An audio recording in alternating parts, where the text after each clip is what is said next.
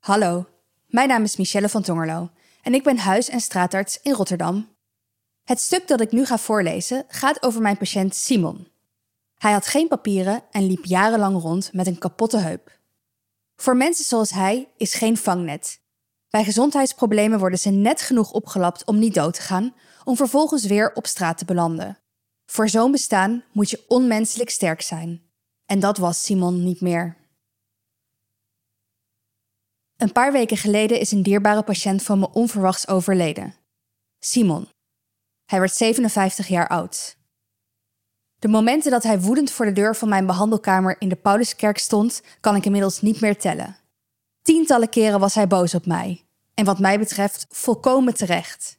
Want hij wilde iets dat doodnormaal is, maar dat ik hem niet kon geven: een bed. Want hij was iemand zonder papieren. Ongedocumenteerd kan je geen aanspraak maken op voorzieningen in de stad. Simon had op 32-jarige leeftijd zijn geboorteland Algerije verlaten omdat hij er naar eigen zeggen niet meer veilig was.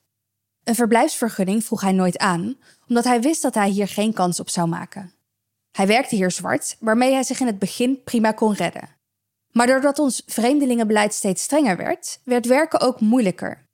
Werkgevers riskeren hoge boetes als ze mensen zwart laten werken. Simons netwerk brokkelde af en hij had geen geld meer. Zijn vaste slaapplek werd het Centraal Station van Rotterdam. Dus behandelde ik aan één stuk door zijn straatgerelateerde problemen. Die loopvoeten gingen nog wel, maar de ontsteking aan zijn Achillespezen werd al lastiger. En toen kreeg hij ernstige heupslijtage. Behandel dat maar eens in een situatie zoals die van Simon. Doe je je oefeningen wel van je fysiotherapeut, daar op de bankjes van Centraal Station? Zo'n behandeling komt nooit op gang. En dat komt niet omdat de bankjes van het Centraal Station recent zijn weggehaald door overlast van daklozen. Het lukt niet omdat je iemand op straat nooit effectief kan behandelen. De omstandigheden zijn ziekmakend, adviezen kunnen niet worden opgevolgd en pillen raken altijd kwijt. En dus had Simon altijd pijn. In twee jaar tijd vroeg ik niet minder dan vier keer aan een orthopeed of Simon een nieuwe heup kon krijgen. Drie keer kreeg ik nee te horen, telkens met een ander excuus of met een alternatieve oplossing. Simon had geen uitzicht op een paspoort. Waarom probeer je die met injecties? Geef hem gewoon fysiotherapie en pijnstilling. Maar niets hielp. Dat kon alleen een nieuwe heup. Een geldkwestie kon het niet zijn, want de zorg voor ongedocumenteerden wordt voor minimaal 80% vergoed. Maar artsen zijn niet verplicht om hen die zorg te verlenen. Dus sliep en liep Simon door op straat, rondje na rondje, paadje na paadje, tot zijn heup zo beschadigd was dat het bot van zijn heupkop letterlijk vast zat in zijn heupkom. Iets dat ik in al mijn jaren als huisarts nog nooit heb gezien, want verzekerde mensen worden ruim voor die tijd geopereerd. De pijn was extreem en hij kon haast niet meer bewegen. Weer zat ik achter een orthopeet aan. Tot eind 2021 eindelijk besloten werd Simon te opereren. Wel met een voorwaarde. Als zijn huisarts moest ik zijn revalidatietraject organiseren, want dat ging het ziekenhuis niet doen. Dus kreeg Simon eindelijk een nieuwe heup. Om vervolgens na de operatie en een paar weken revalidatie weer de straat op te worden gestuurd. Want een bed kreeg hij nog altijd niet. Op straat werd Simon met het toenemen van de jaren steeds zieker. Hij ontwikkelde epilepsie, waardoor hij viel en zijn nek brak. Hij werd even opgenomen in een ziekenhuisbed om die wervels vast te zetten, maar eenmaal ontslagen belandde hij weer op straat. Als arts voelde al die behandelingen zo zinloos. Soms dacht ik, we hadden hem beter direct dood kunnen laten gaan, in plaats van zo iemand te laat vermijdbare, peperdure en ergens ook zinloze behandelingen te geven. Inmiddels heb ik honderden patiënten zoals Simon, ongedocumenteerde mannen op leeftijd. Vaak zijn ze in de jaren 60, 70 of 80 naar Nederland gekomen toen dit nog relatief makkelijk ging. Of ze zijn kind van ongedocumenteerde migranten uit die tijd. Ze overleefden door zwart te werken, maar nu lukt ze dat niet meer, ook vanwege allerlei gezondheidsproblemen. Voor hen is er geen enkel vangnet. Konden ze vroeger nog aanspraak maken op voorzieningen zoals de nachtopvang, sinds de koppelingswet uit 1998 is de toegang tot vrijwel alle publieke hulp afgesloten. Het idee was: als je ongedocumenteerde uitsluit van alle voorzieningen, gaan ze vanzelf terug naar hun land van herkomst. In de praktijk gebeurt dat niet, om allerlei redenen.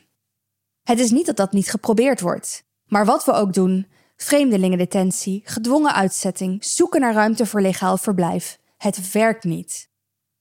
Dus zijn die mannen hier, Net als Simon, die om die reden altijd boos op me was. Hoe kon ik als zijn arts nu niet inzien dat het leven zijn dood zou worden? Hij zou gelijk krijgen, wist ik toen al, al durfde ik dat nooit recht in zijn gezicht te zeggen. Hij werd vaak agressief als ik zei dat ik hem geen slaapplek kon bieden, weigerde dan mijn kamer uit te gaan in de hoop iets af te dwingen. Toch was ik nooit bang voor hem. Ik begreep zijn wanhoop en eenzaamheid, een heel klein beetje dan. Maar ik weet inmiddels dat ik niet zoveel voor mensen als hij kan doen. Overal waar ik aanklop, stuit ik op een gesloten deur. Voor het systeem bestaan deze mensen niet. Na 15 jaar neoliberale druk zijn we zo'n klotenland geworden dat je soms onmenselijk sterk moet zijn om te kunnen bestaan. Maar wat nou als ik zwak ben? vroeg Simon. Dan plak ik gewoon wat superdure pleisters op je. Goed, antwoordde ik. Voldoende om niet dood te gaan, maar absoluut onvoldoende om te leven. Ik coachte hem de ellende door. Zei dat hij in plaats van klagen haar op zijn tanden moest krijgen om te overleven in de illegaliteit.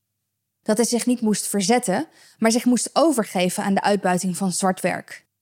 En als hij na dagen dozen en kratten sjouwen voor 35 euro per dag verging van de pijn in zijn rug en nek met al die ijzeren platen erin, dan zei ik dat dat vervelend voor hem was. En dan gaf ik hem een recept met sterke pijnstilling, zodat hij weer kon gaan sjouwen.